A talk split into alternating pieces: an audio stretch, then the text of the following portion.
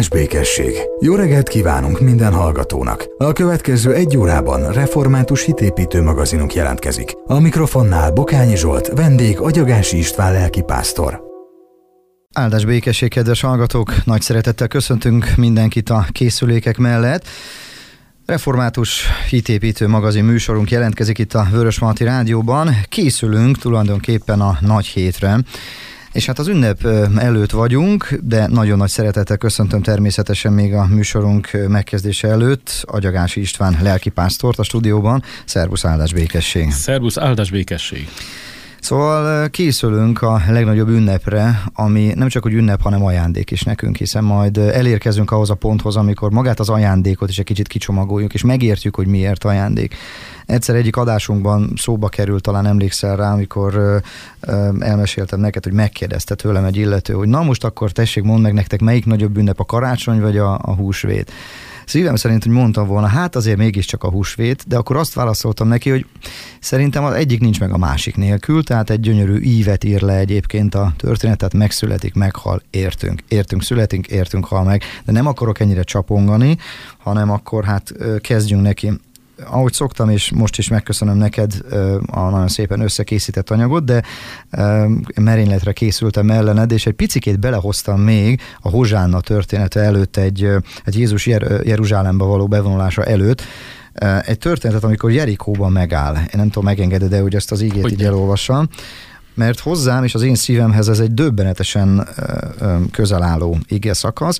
Máté evangéliuma szerint olvasom a kedves hallgatóknak, akik Bibliát olvasva hallgatnak bennünket, mondom, a két jerikói vak meggyógyításáról van szó. Amikor elindultak Jerikóból, nagy sokaság követte őt. És íme két vak ült az út mellett, és amikor hallották, hogy Jézus arra megy, felkiáltottak, Uram, Dávid fia, könyörül rajtunk. A sokaság azonban rájuk szólt, hogy hallgassanak el, de ők még hangosabban kiáltották, Uram, Dávid fia, könyörülj rajtunk. Jézus megállt, megszólította őket, és ezt kérdezte.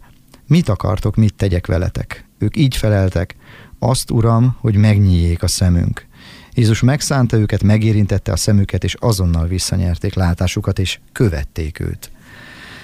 Ez az ige szakasz, ez még a Jeruzsálemi bevonulás előtt van, amikor Jézus ugye megy fel Jeruzsálembe, és Jerikóban találkozik egy porban fekvő, vagy két porban fekvő, ebbe most ne, ne menjünk bele, két rászoruló emberrel, akik nem látnak. És olyan szép üzenete van ennek, hogy mi is fekszünk a porban, és mi sem látunk.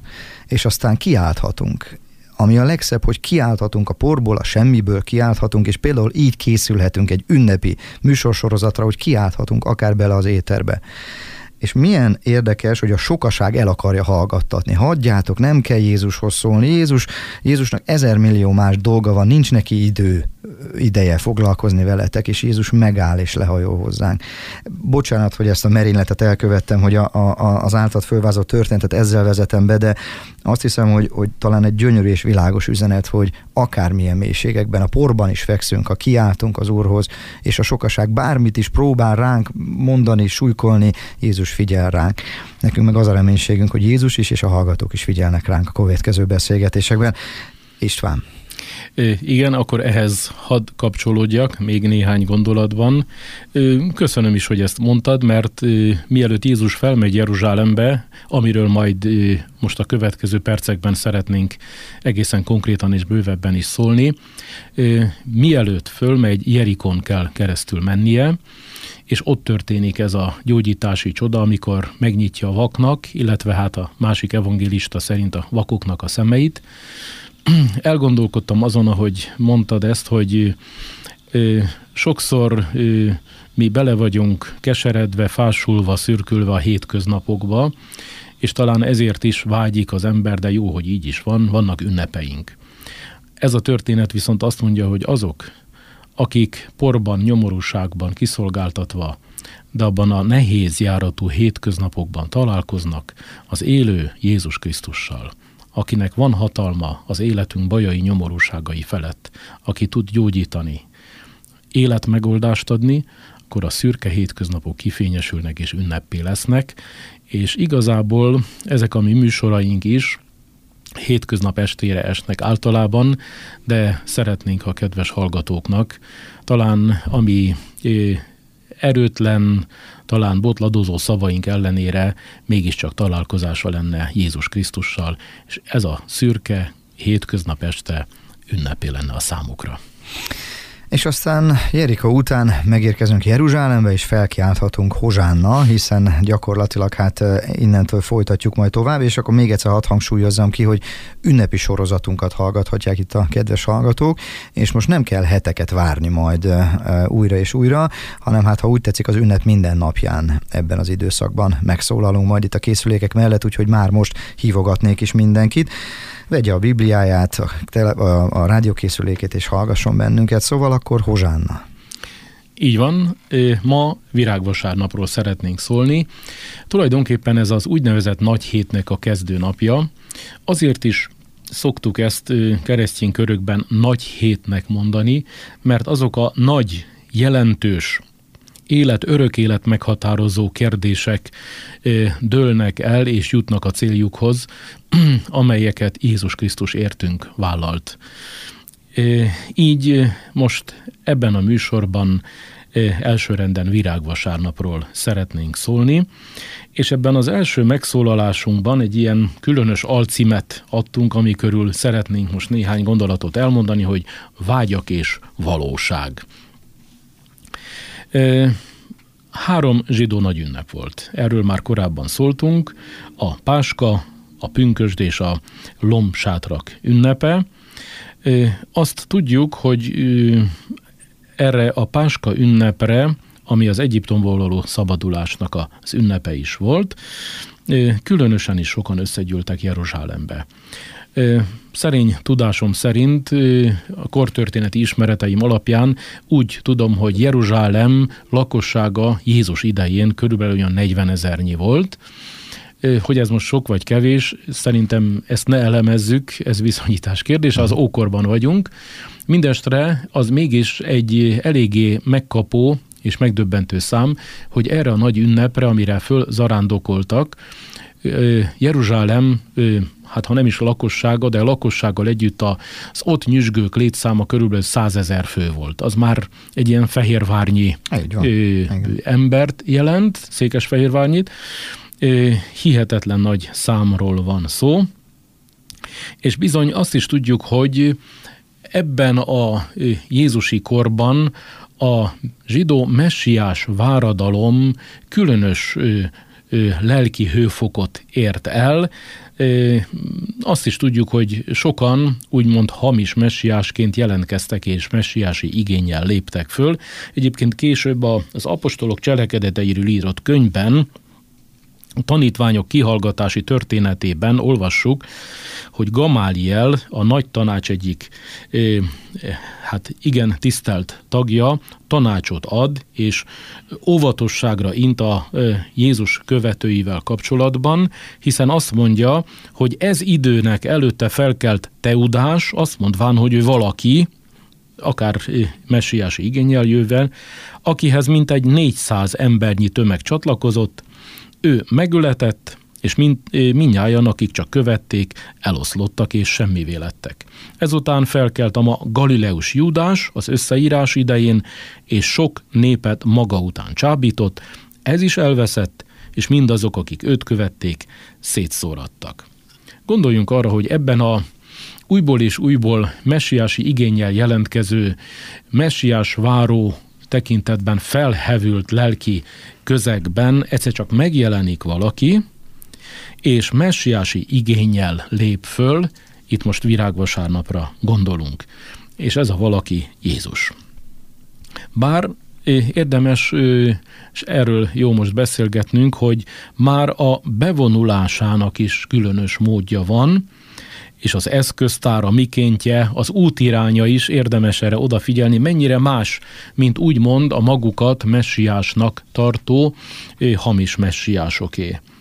Van egyfajta elképzelt és vágyott várakozás, ezért is adtuk a címet ennek az első megszólalásnak, hogy vágyak, aztán valóság. A zsidó nép hivatalos képviselői, de a nép között is volt egy elképzelés, hogy jön egy olyan messiás, aki egy földi politikai uralmat fog megvalósítani, egy dicsőséges dávidi salomoni királyságot fog megvalósítani, a római idegen elnyomókat el fogja zavarni, és kivirágzik Isten népének a földi élete. Ezzel szemben jön valaki, aki virágvasárnap az olajfák hegyének a lejtőjén elindul, nem valami harci paripán, Igen. karddal az oldalán, hanem egy jámbor szamárnak a hátán. Az őt éjenzők és hozsannát, majd erről szólunk, hogy ez mit jelent, hozsannát kiáltók pedig nem botokat, kardokat, kiegyenesített kaszákat, hogy magyar történelmi emlékeket is hozzak, húznak elő titokban, és készülnek fölsorakozni, mint valami forradalmi csapat Jézus mögött, hanem pálmoágakat szelnek, eléje szórják, felső ruhájukat is oda teszik, mint egy a tiszteletük jeleként Jézus elé, és így köszöntik őt, van egy kedves énekünk az énekes könyvben, és engedjék meg a hallgatók, hogy ezt az egy verset most ebből idézzem. Jézus király, és magát annak vallja, de hogy királyát tegyék, nem javalja. Sőt, noha Isten, Sion királya, lett az időben szolgák szolgája. Jön szamár háton, alázatossággal aki pedig bír az egész világgal, nem jön királyi fényes bíborban, nem fegyverekkel zörgő táborban.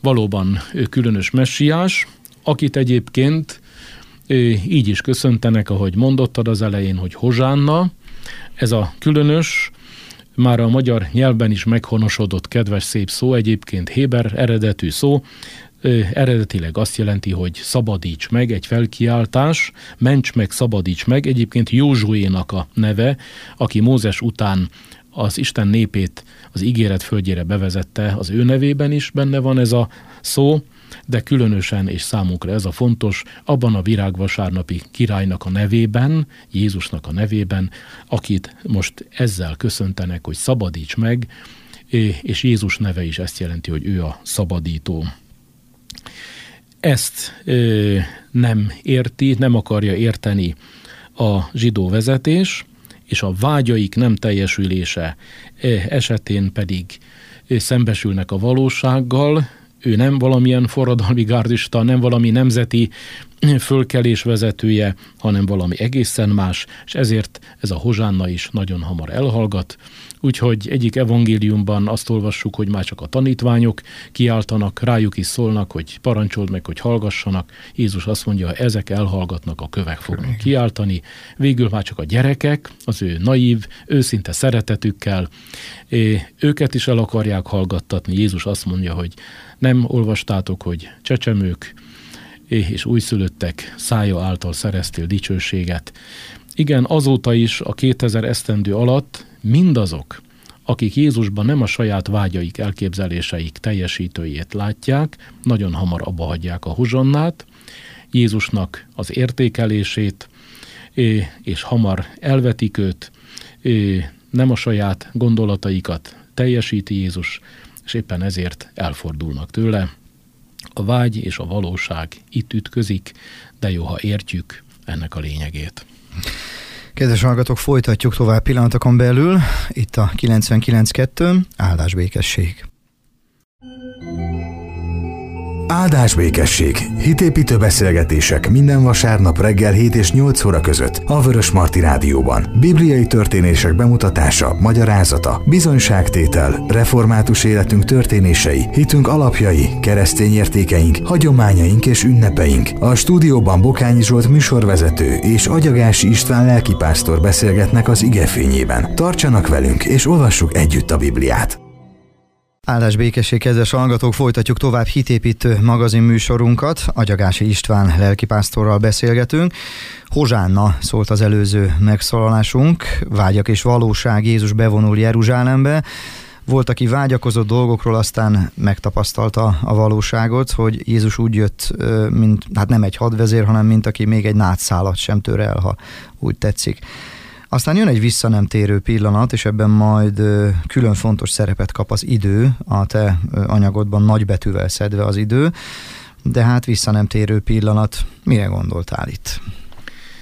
Amikor ezt kimondjuk, hogy virágvasárnap Jézus Jeruzsálembe von, bevonulása egy visszanemtérő pillanat is volt, akkor ezen elsőrenden nem is az első virágvasárnap eseményeire gondolunk, bár ez is egy visszanemtérő pillanat volt kétségtelen, és azt is tudjuk, hogy azóta mai napjainkig is, tehát a mostani virágvasárnapon is, ott Jeruzsálemben az úgynevezett virágvasárnap úton, így nevezik, az olajfák hegyének lejtőjén elindul a menet és bevonulnak a városba, ha nem is virágvasárnap, de egy őszi, kedves, szép napsütéses napon mi is végigjárhattuk ezt egyébként.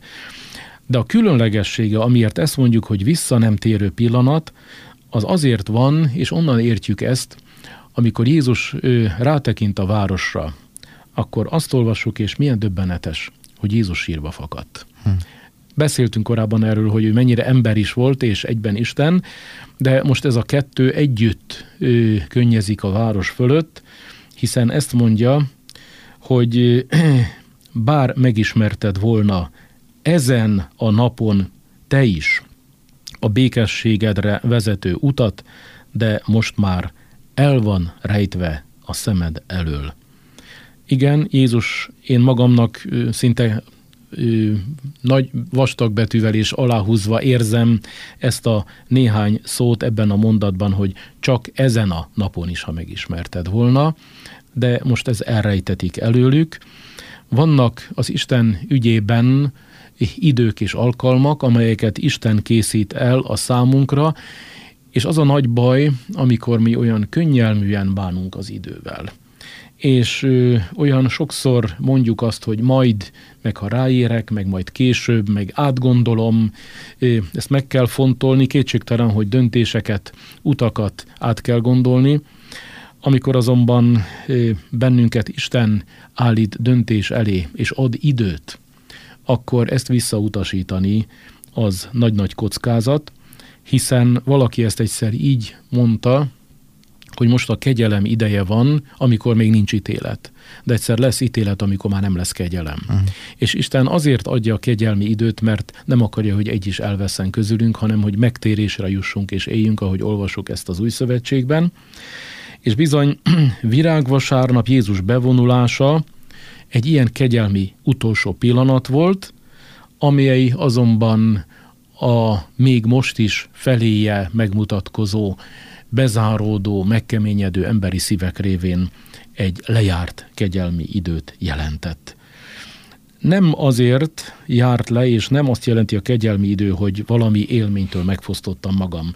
Most, hogy stílusos legyek, ismerve téged, egy koncertről lemaradok biztos, hogy jó lett volna meghallgatni, jó hangzása volt, kedves volt az ének, a szereplők is pozitívan álltak, hát lemaradtam a koncertől, egy élménytől megfosztattam.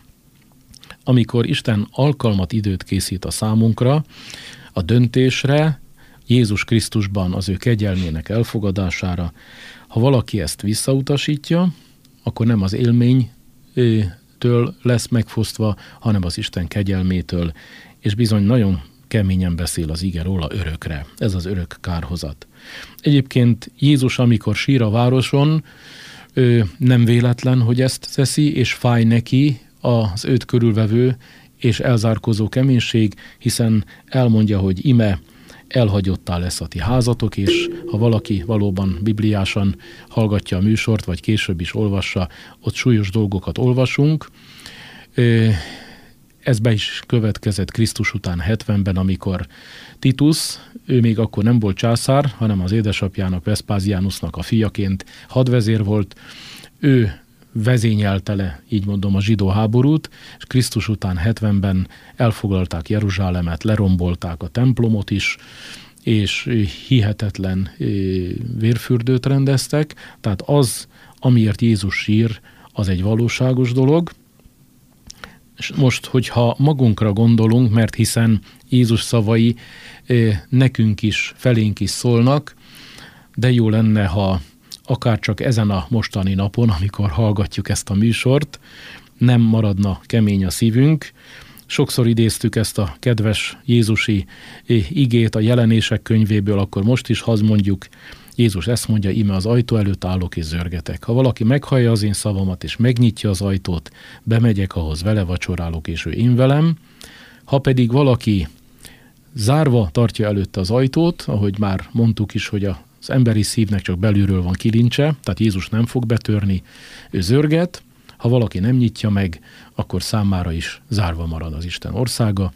Tehát a visszanemtérő pillanat itt van a zsidó nép számára, az idővel jól kell gazdálkodnunk, és mondjuk ki, az alkalmas idő nem holnap, holnap után vagy majd, hanem most van, de jó, ezt értjük.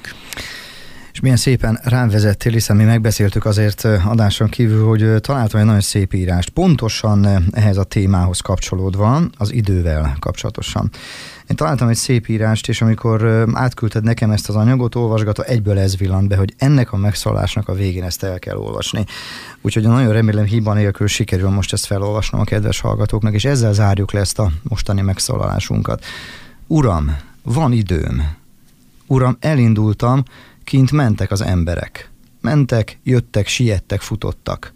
Futottak a kerékpárok, futottak a szekerek, futottak a teherautók, futott az utca, futott a város, futott minden. Futottak, hogy időt ne veszítsenek. Futottak az idő nyomában, hogy utolérjék az időt, hogy időt nyerjenek. Viszont látásra barátom, bocsáss meg, nincs időm. Ismét erre fogok jönni, nem várhatok, nincs időm. Befejezem a levelet, mert nincs időm. Szívesen segítettem volna magának, de nincs időm. Nem vállalhatom, nincs időm, imádkozni szeretnék, de nincs időm. Uram, te megérted, hogy nincsen idejük. A gyermek játszik, e pillanatban nincs ideje. Majd. A tanulónak leckéjét kell elvégezni, ideje nincsen, majd. A diáknak ott vannak a könyvei, oly sok a munkája, nincsen ideje, majd. A fiatalember sportol, nincsen ideje, majd. Az ifjú házasnak meg az otthona, amit be kell rendeznie, nincsen ideje, majd. Az édesapa körül gyermekei futkároznak, nincsen ideje, majd. A nagyszülőknek ott vannak az unokák, nincsen idejük, majd. A betegnek megvan a gondja, nincsen ideje, majd. Kihűlő ágyunkon sincsen idejük. Késő, nincsen már idejük. Így futnak az emberek az idő nyomába, és én, uram, ezt látom. Futva mennek e földi tereken, sietve, tülekedve, túlterhelten, mogorván, megrakottan, és nem érnek a célhoz, kevés az idő. Neki feszülnek bár, de kevés az idő. Sőt, igen kevés az idő. Uram, tévedned kell számításaidban valahol. Alapvető hibának kell itt lennie. Az órák túlságosan rövidek, a napok meg túlságosan rövidek, az életkor túlságosan rövid. Te mosolyogsz. Uram, az időn kívül állva a küszködésünk láttán, és tudod, hogy mit teszel. Nem tévedsz abban, amikor az ember idejét kiméred. Adsz mindennek időt, tenni akaratod, de nem szabad időt veszíteni, időt elverni, időt agyonütni. Ajándék az idő, amit te készítesz. Elmúló ajándék, nem nem tárolható ajándék. Uram, van időm, minden idő az enyém, amit te nekem adtál. Életemnek évei, éveimnek napjai, napjaimnak órái, mind az enyémek.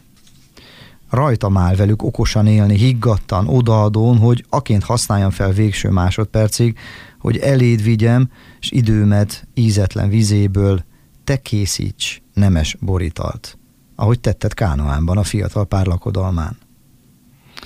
Uram, ma este nem időt kérek tőled, hogy még ezt, amaszt elintézzek. Azt a kegyelmet kérem én tőled, hogy a nekem ajándékozott időben híven tegyem azt, amit rám isztál, másokért.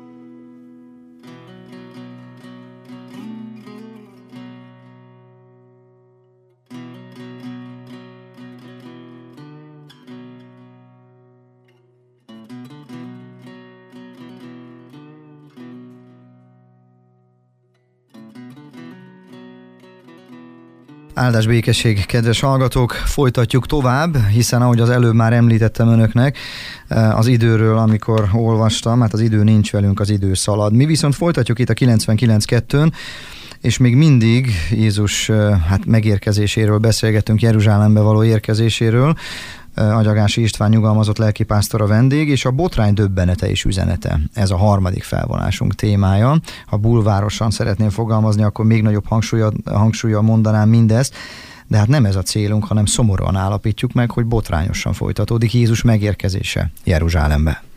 Igen, hát a kedves, szép, legalábbis a szívünket melengető ö, szamárhátos bevonulás Jeruzsálembe egy különös és döbbenetes fordulatot vesz, ugyanis Jézus nem a római helyőrséghez, az Antónia várhoz érkezik, hogy kiűzze onnan az elnyomó katonaságot, hanem a templomba érkezik meg.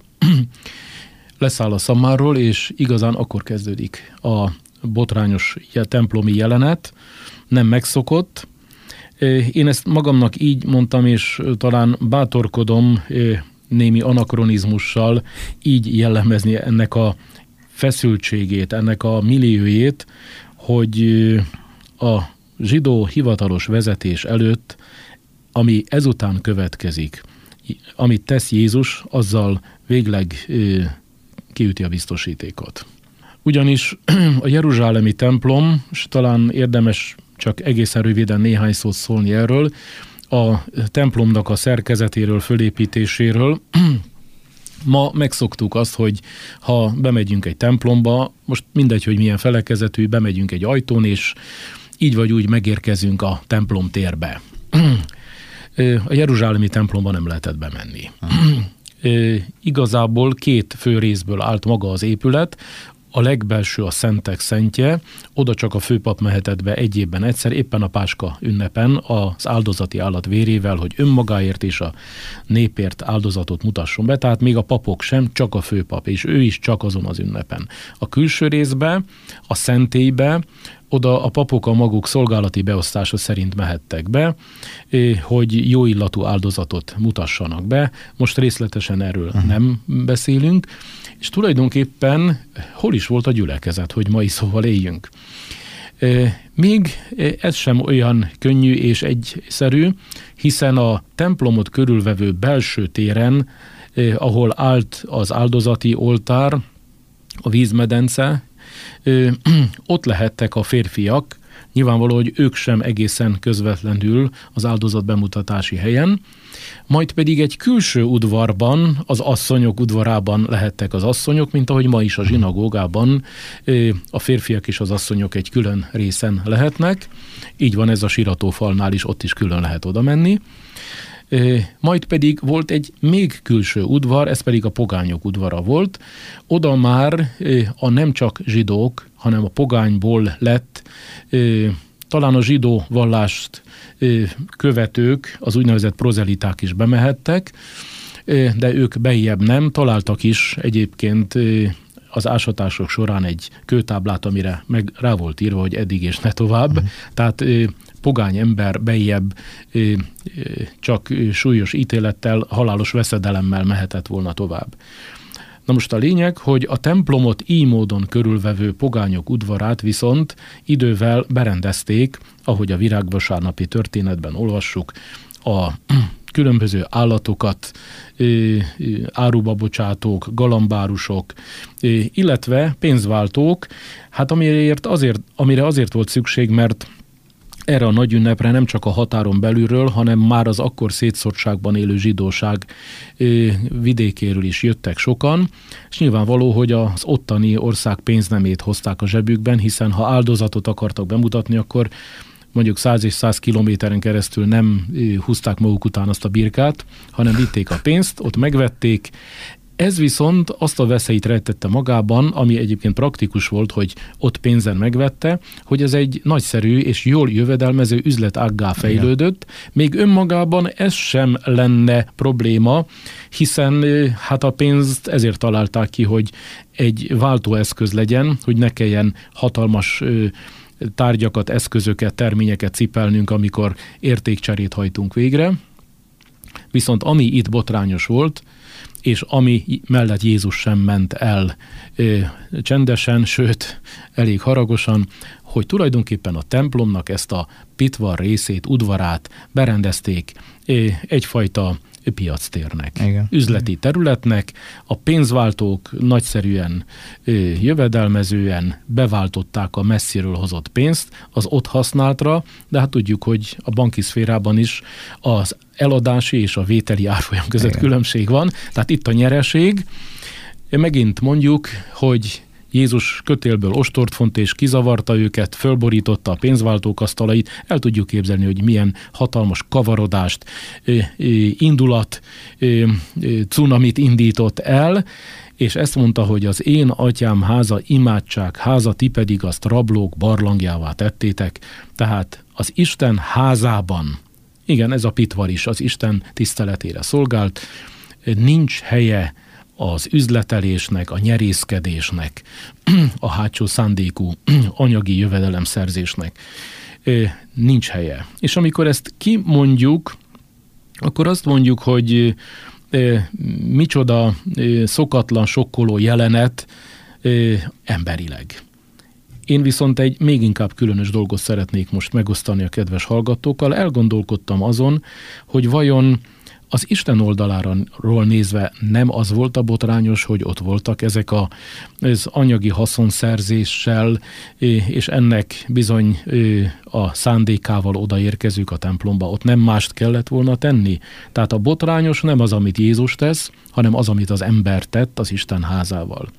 És amikor ezt így kimondjuk, akkor magamra, magunkra gondolunk itt együtt a kedves rádióhallgatóval, hogy vajon mi zajlik a mi templomainkban. És most nem föltétlen egyik vagy másik felekezetre gondolok, hogy ott mi történik, ezt bízzuk kire, kire, hanem lelki üzenetként, hiszen Pálapostól is szól arról, hogy nem tudjátok-e, hogy a ti testetek a bennetek lakozó Szentlélek temploma vagy akár van egy kedves énekünk, amiben ezt mondjuk, énekeljük, kérjük, jöjj és lakozz bennem, hadd legyen már ittlen templomoddá szívem, lelkem. Ezt kérjük is.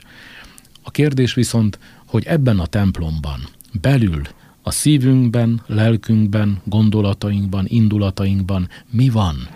Az Isten tiszteletének, imádatának a szentsége, a tisztasága, az őszintessége, a szeretettől áthatott hitele, vagy pedig valami tisztátalan, valami az Istennel össze nem egyeztethető. Én úgy vélem, hogy nekem magamnak is, és mindannyiunknak szükséges és érdemes elgondolkodni ezen, hiszen azt mondtuk ennek az utolsó megszólalásnak a címeként, hogy a botránynak van egy döbbenete, de van üzenete Üzenet. is. Mi az üzenete? Az imént idézett ének egy másik versében szintén énekelni szoktuk, mint egy az ének szerzője odaáll, ami urunk elé, és ezt mondja, egyszerűvé formái, belső lelkiképpen, békességben, csöndességben. Tisztogasd meg szívem, tisztaságod lássam lélekben és igazságban. Úgy vélem, hogy szükségünk van mindannyiunknak odállni, ami Urunk elé, és kérni, hogy ö, hadd tisztítsa meg a mi templomunkat, a mi szívünket, a mi bensőnket, hiszen bőven van ott mit tisztogatni, hiszen igazán akkor leszünk a, az Istennel való élő közösségben mi magunk is áldások elnyerőjévé és áldások továbbadójává, ha így módon tudjuk tisztán, szent módon szolgálni, magasztalni az élő Istent, de jó lenne, ha ez a virágvasárnapi néhány gondolatunk ebben is segítségé lehetne a mi úrunk részéről, mindannyiunknak. És egy mondatot engedj meg még a végére. Azért mosolyogtam itt magamba, talán észrevetted néha, mert fölsejlett bennem szinte, szinte teljesen élesen egy régi kép, egy sárbogárdi gyülekezeti házban tartott bibliaóra, amikor egyébként éppen egy ilyen valami csütörtöki alkalommal erről beszélgethetünk, és annyira világosan újra itt volt előttem, amikor mesélted, hogy a, a templom meg hogy nézett ki a templom, úgyhogy, úgyhogy ez nekem egy kis időutazás is volt, köszönöm szépen.